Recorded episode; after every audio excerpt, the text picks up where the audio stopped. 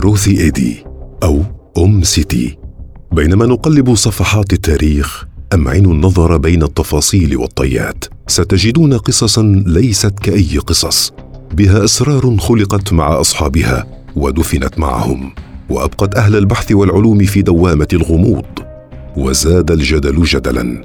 اليوم قصتنا أنثى. عاشت الحياة الأغرب منذ نعومة أظافرها. وهذه القصة ستثير حيرتكم ودهشتكم تماما كما صدمت كل من عايشها بل والعلماء منهم أيضا.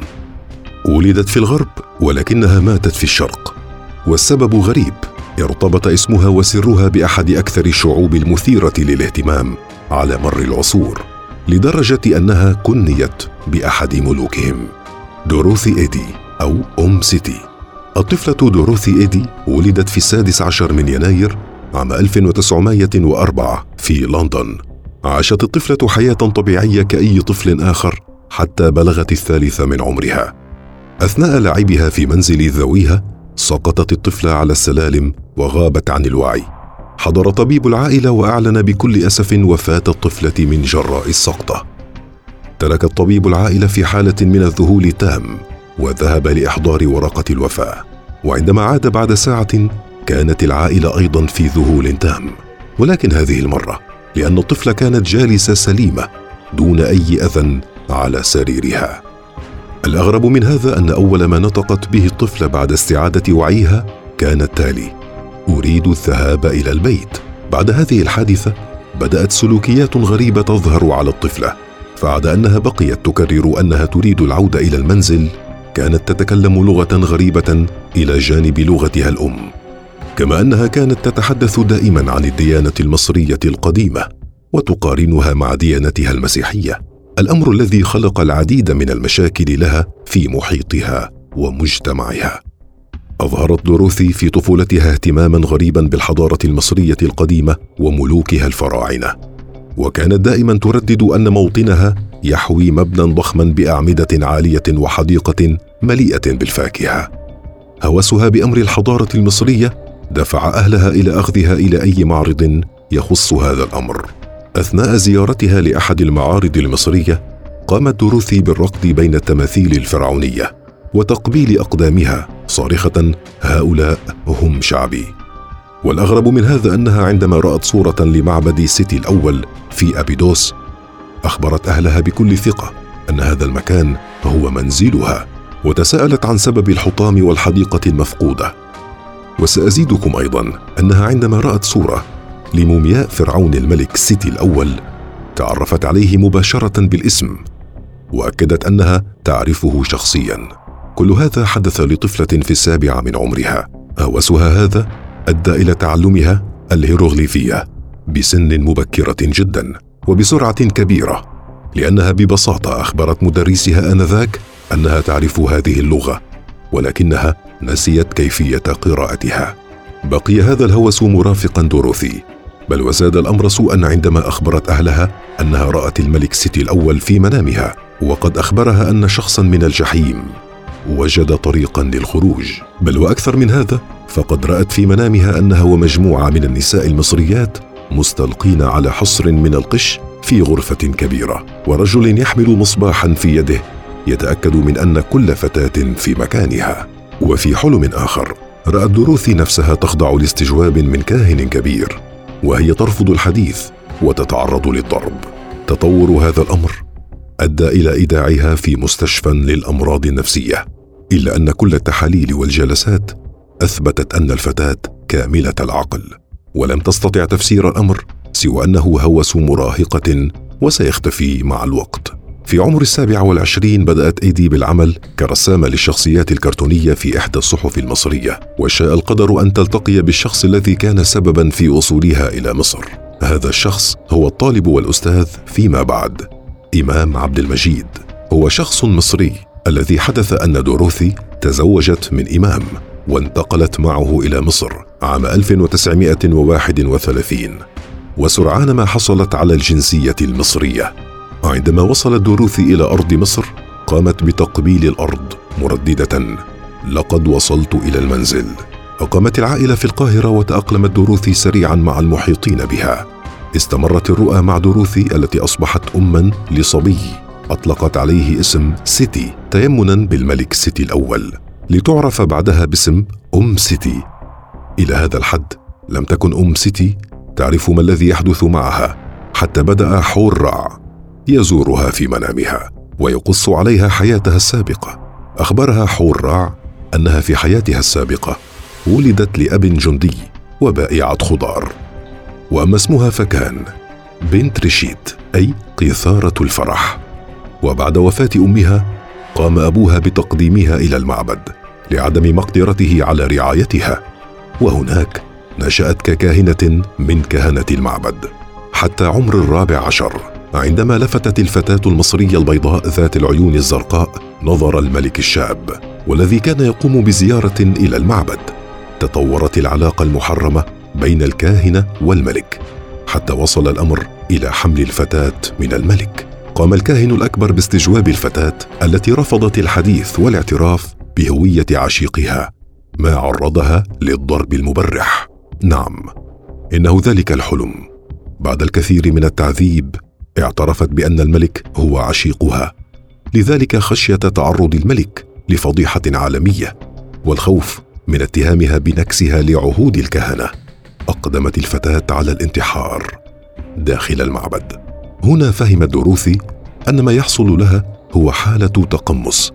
عام 35 وقع الطلاق بين دروثي وزوجها لأن الأخير قرر السفر إلى العراق ودروثي بالطبع لم تترك المنزل.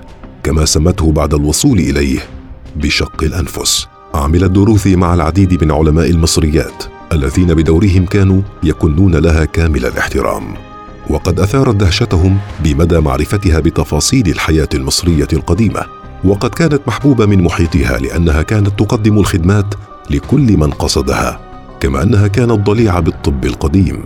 وقد عالجت الكثير من سكان المنطقة ما أكسبها شعبوية كبيرة. بالإضافة إلى أنها كانت تحترم الديانات الإسلامية والمسيحية لأهل المنطقة رغم أنها تحولت تماما إلى الديانة الوثنية القديمة الخاصة بالحضارة المصرية.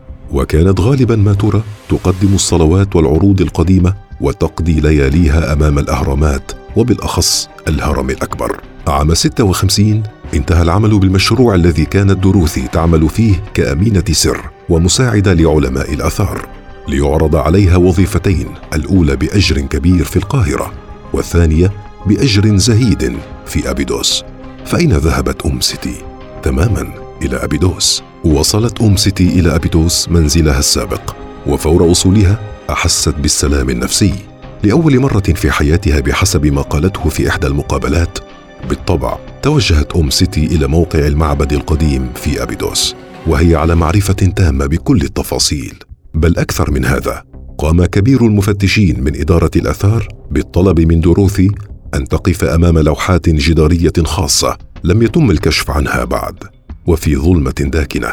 فعلت المرأة ما طلب منها. فسألها المفتش عن اللوحات فقامت بتحديد مكانها ورسوماتها بالضبط كأنها تراها أمامها. ما شكل صدمة لدى كل من كان حاضرا. أكدت دروثي أن للمعبد حديقة. وأنها التقت بالملك سيتي الأول لأول مرة هناك بل وقامت بتحديد مكانها رغم أن الحفريات والاكتشافات لم تكن قد توصلت إلى شيء بعد. المزيد من الحفريات في الموقع الذي حددته أم سيتي أثبت وجود الحديقة المنشودة. تابعت أم سيتي عيشها وعملها مع علماء الآثار الذين ينسبون لها الفضل الكبير في أغلب الاكتشافات الأثرية في أبيدوس وهذا ما يظهر جليا. في كتاباتهم ومقالاتهم. عام 64 وصلت دروثي إلى سن التقاعد ونقلت إلى القاهرة بغية إيجاد دوام جزئي لها إلا أنها لم تكمل يوما واحدا وعادت إلى أبيدوس حيث الروح والقلب. لتحصل على استثناء من التقاعد وتتابع عملها مع علماء الآثار. عام 69 حصل التقاعد النهائي إلا أن دوروثي كانت تقود السياح في الجولات حول المعبد وتزودهم بالتفاصيل الدقيقة حول المعبد وسكانه والحياة السابقة فيه. بالطبع كعادة المصريين القدماء كانت أم سيتي تتحضر للموت وتنتظره بغية السفر ولقاء الآلهة. لذلك قامت ببناء قبرها الخاص تحت الأرض مرسوم على جدرانه باب محفور عليه صلاة فرعونية قديمة. مخصصة للموت لتسهيل سفرها بعد موتها كحال أسلافها الفراعنة. وأيضا لأنها كانت تعلم أنها لن تدفن في مدافن المسلمين أو المسيحيين بسبب ديانتها الوثنية. دق الموت باب أم سيتي في الواحد والعشرين من أبريل عام واحد وثمانين بعد حياة بدأت غريبة وانتهت غريبة.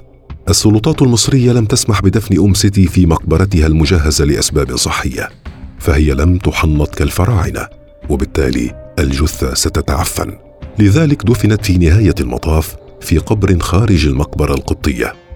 ولا دلالات على هذا القبر سوى كومة من الحجارة. لتنتهي بذلك قصة دوروثي إيدي أو أم سيتي كما أحبت أن يطلق عليها. المرأة البريطانية التي عاشت حياتها مؤمنة بأنها كاهنة فرعونية قديمة. والتي قدمت إنجازات عديدة في مجال الآثارات الفرعونية باعتراف أغلب علماء المصريات الذين عاصروها والتي أثارت جدلا غريبا بين علماء النفس والمحللين والدارسين.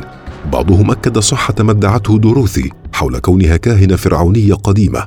وأبرزهم العالم هاني الزيني الذي تعرف على دوروثي في أبيدوس وكان الوحيد الذي أفصحت له دوروثي عن زيارات الملك سيتي لها وكان الوحيد الذي أفصحت له دوروثي عن زيارات الملك سيتي لها في المنام وفي الحقيقة. وكان من الشاهدين على تعرفها على لوحات الجدار في المعبد القديم واكتشاف الحديقة المخفية.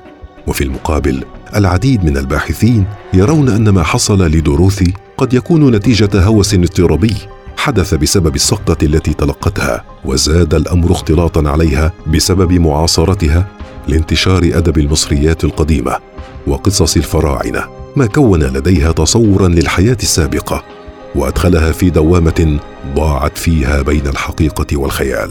إلا أن كل هذا لا يفسر ما استطاعت أم سيتي الوصول إليه من معرفة بخبايا الحياة الفرعونية القديمة وتفاصيلها ورحلت ورحل سرها معها.